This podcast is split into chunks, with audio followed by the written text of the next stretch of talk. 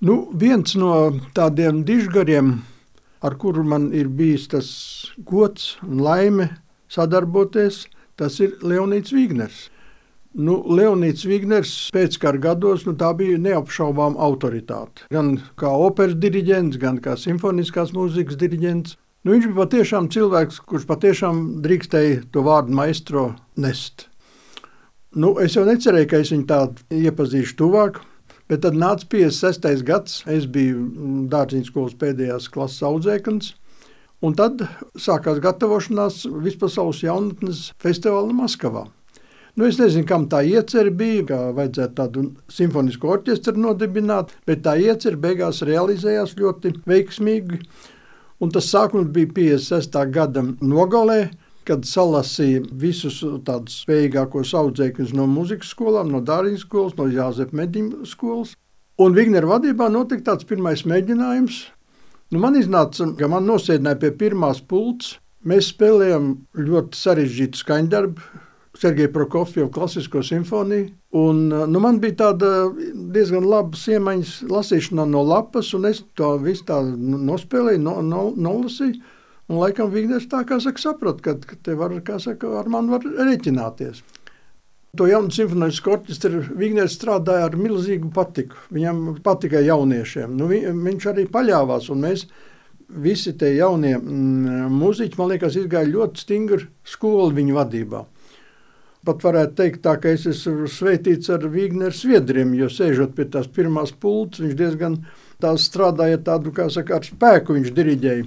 Svīda un bieži tās viņa sviedra pils man gan uz instrumentu, gan uz sejas pilēja.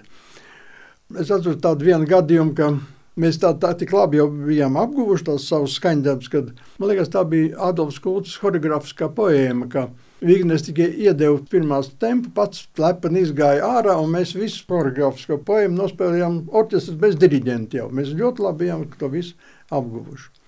Nu, nevienmēr viss gāja tik gludi. Bija arī viens tāds incidents man ar Vigneru. Bija gatavošanās koncertam Universitātes aulā, kādu divas dienas iepriekš.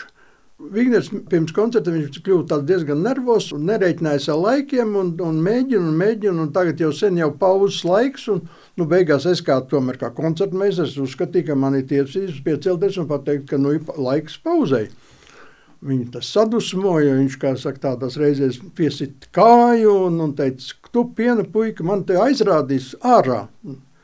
Nu, kas man atlika? Es paņēmu savu violi, sakrāmēju, eju ārā no zāles. Bet man sekoja viņa dzīves biedri, kas arī bija zālē. Viņi man saka, mierināt, nu, Juri, neņemiet ļaunā. Nu, viņam, kā saka, kādreiz tādi dusmīgs viņš kādreiz ir, bet nu, viss jau būs kārtībā. Nu, bet, protams, es to uztveru kā tādu, nu, jo man, es saprotu, ka man bija taisnība? Nu, protams, kā saka, sāpināts, es kā saka, aizgāju mājās tagad ko darīt nākošo dienā. Man viens no veciem tādiem muzeķiem deva tādu padomu, viņš saka, zin ko, izslēdzis, ka nekas nav bijis. Atnāca otrā dienā, sēdi savā vietā un, un miers. Un tā es arī izdarīju. Otrā dienā es aizgāju uz mēģinājumu, apsēdu savā vietā. No Vignera neviens vārds. It kā nekas nebūtu noticis. Un tā koncerts, ar notika mēģinājums un koncertā, un viss, kā saka, tas incidents izsīk. Vienkārši tas tā parādīja, ka daži bija, viņš tā, bija tāds, nu, kā saka, drusku valdonīgs. Man tikai tā, drusku pēc tam es vienmēr tā esmu pārdomājis, ka neviens no vecākiem muzeķiem, kas tur arī sēdēja, kas vairāk nebija pienpuiks, neviens neiestājās par mani. Un arī tas, kas sēdēja aiz muguras, Vignes tikai pateica, sēdies tur viņa vietā, viņš nevienu vārdu apsēdās manā vietā, un kā saka, un kā, kā saka, tā būtu tā vispār pareizi. Nu, tā jūta, ka nav tas atbalsts tāds. Vēl ar Vigneru kā diriģentu man iznāca sadarboties jau studiju laikā, pēc otrā kursa beigšanas Maskavā, tas bija 59. gada vasarā, kad es biju sagatavojis Hačturjānu koncertu jau. Un man piedāvāja nospēlēt ar Radio Simfonisko orķestru, nu tagad jau Nacionālo simfonisko orķestru, šo koncertu dzīvē raidījumā. Tad vēl bija dzīvē raidījumi. Visas nospēlēja raidījumi, pilnīgi kaut kur pašās beigās pirms kods, kaut kādas divas takts man tuskā saka tā, nu, kaut kas sa samisējās. Bet es pēc tam divām taktiem biju atkal uz ceļa un spēlēju, un, visu, un, un nobeidzām, viss bija, bija kā labi. Un es piegāju pie Vigņa un saku, nu, es atvainojos, ka man tur tāds kļūme gadījās. Viņš teica, zini ko, nospēlēt bez kļūdām nav liela māksla, bet kļūdīties un tikt atpakaļ uz ceļa, tas jau kaut kas ir. To es atceros vienmēr to teicienu arī saka, saviem studentiem, ka jāproti vienmēr tikt uz ceļa.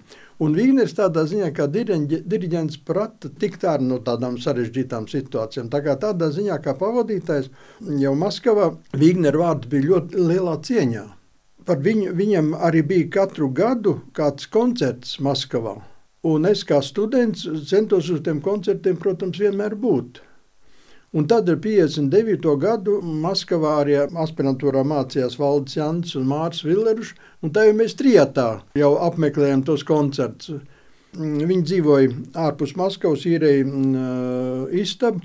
Es Maskavā centrā, es vienmēr zināju, bija lietas kursā, ka afišas ir, vai ne, es vienmēr viņai zvanīju, saku, Vignērs būs Maskavā jānāk uz koncertā. Mēs visus tos koncertus vienmēr, vienmēr apmeklējam. Mums bija arī tāda cita interese, jo Vignēs mums vienmēr pēc koncerta aicināja uz viņa iemīļotu gruzīnu restorānu, tāds ar agvi, pašā Maskavas centrā. Pēc koncerta vienmēr mēs saka, tikām uzaicināti uz tādām vakariņām ar, ar grūzīnu kā dēdienu un grūzīnu vīnu. Un tas mums arī bija tāds savs iepriecinājums.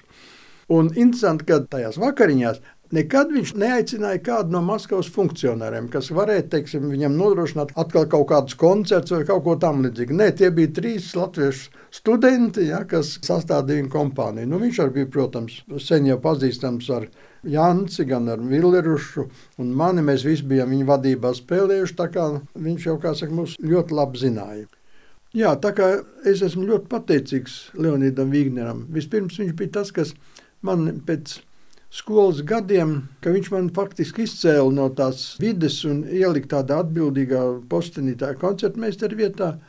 Iedeva ar orķestru spēlēt Čekovas koncertu, un tas man kaut kā iedeva tādu stimulu strādāt, ir censties, ir, es domāju, tādu ceļu maizi visai manai nākamajai dzīvei un nākamajai darbībai. Tagad es viņam par to esmu ļoti pateicīgs.